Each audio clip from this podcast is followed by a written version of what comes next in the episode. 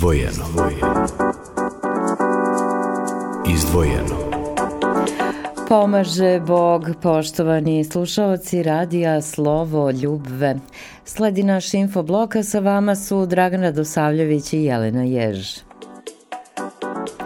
Njegova svetost patrijarh srpski gospodin Porfirije je juče osnovao misionarsko odeljenje arhijepiskopije Beogradsko-Karlovačke. Ovom odlukom je centralna eparhija naše pomesne crkve prvi put u svojoj istoriji dobila stručno misionarsko telo koje će delovati pod direktnim nadzorom patrijarha.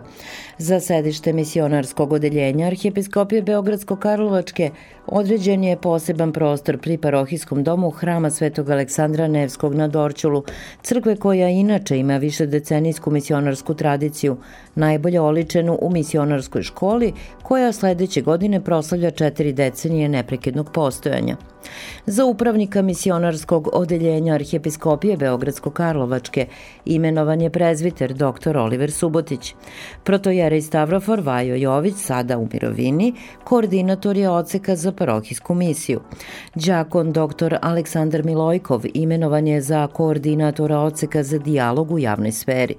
Ocek za apologetsku misiju poveren je pravniku, master religiologu, gospodinu Zoranu Lukoviću.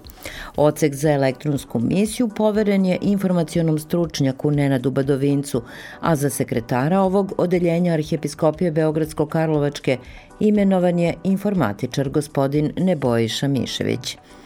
Odlukom Svjatiješeg patrijarha srpskog gospodina Porfirija određeno je, između ostalog, i da krsna slava misionarskog odeljenja Arhijepiskopije Beogradsko-Karlovačke bude praznik svetih Kirila i Metodija ravnoapostolnih prosvetitelja slovenskih.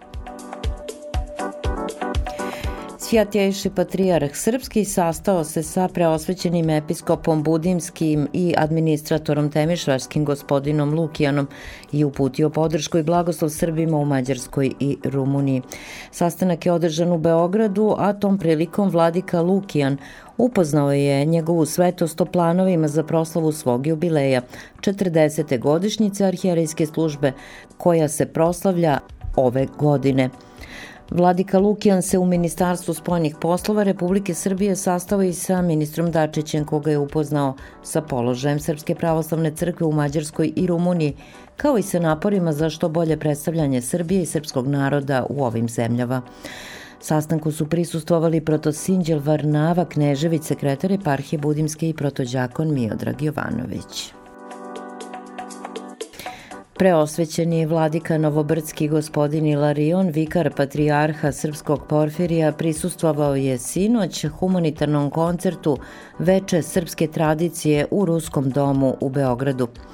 Najlepše srpske tradicionalne i duhovne pesme izveo je etnopojac Andrej Mihajlović, zatim mladi harmonikaši sa Kosova i Metohije Jovan i Nikola Stojković, etnogrupa Zlatnik, pojac Jovana Novaković i muzički sastav Metoh.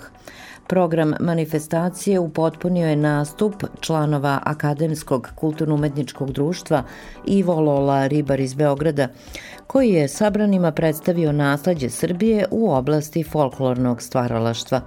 Ovo je još jedna u nizu manifestacija Srpske omladine za kosmet koju ova humanitarna organizacija realizuje u saradnji sa Ruskim domom.